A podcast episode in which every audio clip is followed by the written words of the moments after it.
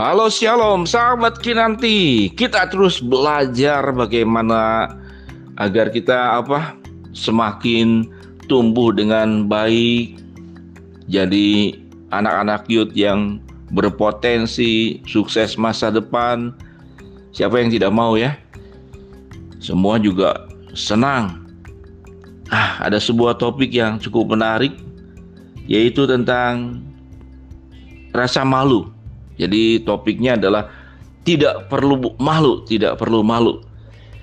Jadi rasa malu ini yang secara umum ya, yaitu kalau pas usia pertumbuhan remaja itu banyak jerawat. Waduh, banyak jerawat. Ya itu susah di susah di omongin ya karena itu semua proses Waktu saya remaja juga sama sih, tapi jerawatnya kecil-kecil, namanya jerawat pasir. Jerawat pasir, jadi banyak kecil-kecil di wajah. Berangsur bertambah umur, ya berkurang. Rasa malunya apa ya? Dulu rasa malunya mungkin kok saya nggak cakep, saya nggak ganteng, saya nggak cantik, saya nggak tinggi, kulit saya nggak putih. Jadi kalau ada yang namanya bilang kulit putih itu keliru besar. Gak ada yang namanya kulit putih. Kalau kulitnya putih itu kayak itu, kayak tembok. Jadi yang kulit yang paling terang pun kulit bule itu nggak disebut kulit putih, kuning sebetulnya. Kuning kemudian berproses dan memang sampai ke yang hitamnya hitam pekat, benar-benar hitam pekat. Kalau sahabat Yud Kinanti nggak percaya, lihat eh, diketik saja di Google kulit yang paling gelap, terhitam, ras mana yang ada di dunia itu ada ya di Afrika itu betul-betul hitam. Jadi ada yang karena masalah kulit, masalah fisik semuanya tuh, masalah fisik.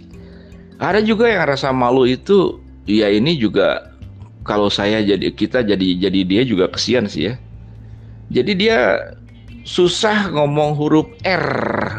Susah jadi apa karena faktor lidah atau bagaimana? Tapi yang saya tahu yang lidahnya normal juga karena di negaranya cara bicaranya jarang menyebut huruf R, juga dia nggak bisa ngomong huruf R ya. Seperti bahasa Mandarin rasanya nggak ada yang ngomong R, itu nggak ada. Nah dia juga kemudian jadi rasa malu. Ada rasa malu yang lainnya. Yang lain ada papa mama saya dari lahir tuh papa nggak tahu di mana. Hanya tahu cerita aja dari mama. Bahwa sudah pisah ya dari semenjak dia kecil papanya udah pergi tuh. Kemudian nikah lagi. Cari mama baru. Ini papa kelewatan. Cari mama baru. Emangnya mama itu kayak sepatu gitu. Kalau nggak senang cari lagi yang baru. Kayak baju gitu kalau nggak suka ditinggalin beli lagi, ya itulah manusia. Itu juga bisa menimbulkan rasa malu. Apalagi rasa malu yang lain. Jadi sebetulnya rasa malu itu ada rasa malu itu yang memang eh, apakah boleh kita nggak rasa malu? Ada yang namanya rasa malu yang tidak perlu malu. Karena itu bukan kesalahan, itu bukan dosa. Ya. Seperti badan saya tidak tinggi, Emangnya kalau tinggi dan tidak tinggi itu perbedaannya dari mana? Karena perbandingan. Bahkan ada studi secara kedokteran orang yang badan tinggi itu ada punya kelemahan-kelemahan secara fisik itu yang lebih buruk keadaannya. Lupa lagi apa namanya itu. Pokoknya ada orang yang berbadan tinggi itu ada persoalan kesehatan juga. Ya orang yang berbadan tinggi. Jadi itu semua sebetulnya bukanlah kelemahan, bukanlah rasa malu, tapi rasa malu yang diciptakan sebetulnya oleh lingkungan ya, oleh keadaan, oleh teman-teman yang ngomongin, ih kalau hidungnya nggak mancung berarti jelek. Kalau badannya yang cewek tidak di atas 165 berarti jelek. Kalau kulit kamu itu tidak putih, mau kulitnya putih kayak tembok. Kalau kulit kamu tidak putih berarti jelek.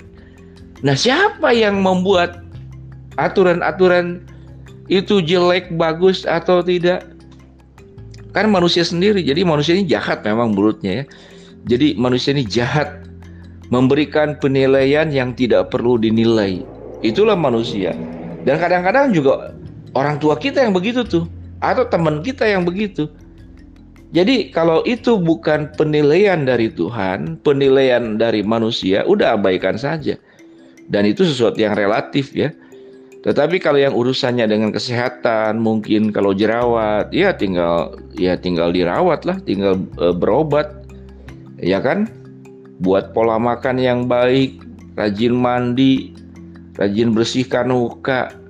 Nanti juga dengan proses berjalan Eh, berjalan pertumbuhan juga akan sembuh dengan sendirinya. Jadi itu adalah rasa malu yang tidak perlu malu. Jadi rasa malu yang tidak perlu malu karena apa? Karena itu diciptain oleh manusia yang suka ngebully, yang suka menolak, yang kemudian dia suka aja melihat orang susah. Jadi senang lihat orang susah dan susah lihat orang senang, yaitu sifat manusia. Jadi jangan punya rasa malu yang tidak perlu kita harus punya rasa malu. Karena itu bukan hal yang dinilai Tuhan. Ya, bukan hal yang dinilai Tuhan. Ya dengan demikian sahabat Yudki nanti mari kita belajar memilih rasa malu apa sih yang lebih baik gitu ya. Kadang-kadang rasa malu itu ada yang positif. Yaitu malu kalau saya tidak naik kelas kan bagus tuh.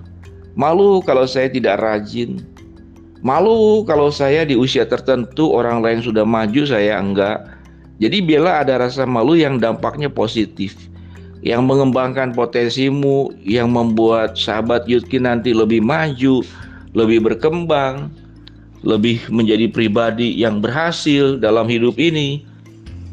Maka itu yang dilakukan. Tapi sebaiknya bahwa kemajuan pun bukan karena perbandingan, tetapi karena kita ingin maju, maju juga adalah kepentingannya buat bukan buat orang tua, bukan buat buat teman, yang buat diri kita sendiri. Dan juga sebetulnya bukan buat Tuhan.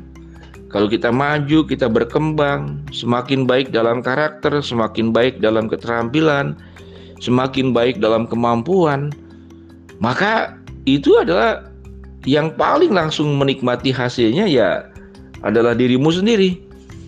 Sahabat Yudki nanti mari kita belajar agar kita jangan punya rasa malu yang tidak penting karena penilaian orang orang tapi biar ada punya rasa malu itu yang positif ya yang kita bisa perjuangkan oleh kita. Demikianlah sahabat Yudki nanti. Selamat bertemu dalam episode yang berikut. Shalom